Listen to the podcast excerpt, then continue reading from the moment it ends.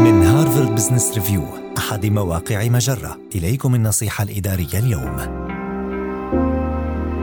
كن مستعدا عندما تشعر أن وظيفتك في خطر. قد تكون وظيفتك في خطر لعدة أسباب بعضها تحت سيطرتك وبعضها الآخر ليس كذلك. ومعرفة المؤشرات ودلالاتها على مستقبلك المهني سيمنحك الفرصة للتعامل مع الموقف والاستعداد في حال حدوث الأسوأ. وإليك ما يجب فعله عندما تكون وظيفتك في خطر.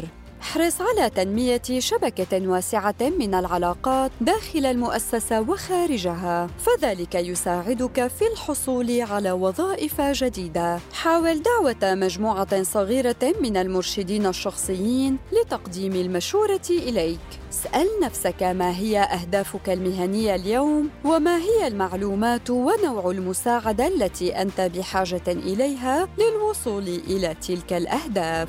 حدد ميزانيتك الأساسية أي الحد الأدنى من المال الذي تحتاجه لتغطية النفقات الأساسية ومقدار النفقات غير الأساسية التي ستحتاج إلى تخفيضها إلى حين الحصول على منصب جديد. أخيراً وليس آخراً، إذا كنت تتوقع أن يتوقف عملك قريباً، فيجب عليك تحديث سيرتك الذاتية وملفك الشخصي على موقع لينكد إن بأسرع وقت ممكن. لتعكس المناصب التي شغلتها مؤخرا بالإضافة إلى مسؤولياتك وإنجازاتك وطموحاتك المهنية الجديدة. هذه النصيحة من مقال ماذا تفعل إذا شعرت أن وظيفتك في خطر؟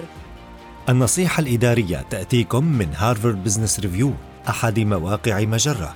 مصدرك الأول لأفضل محتوى عربي على الإنترنت.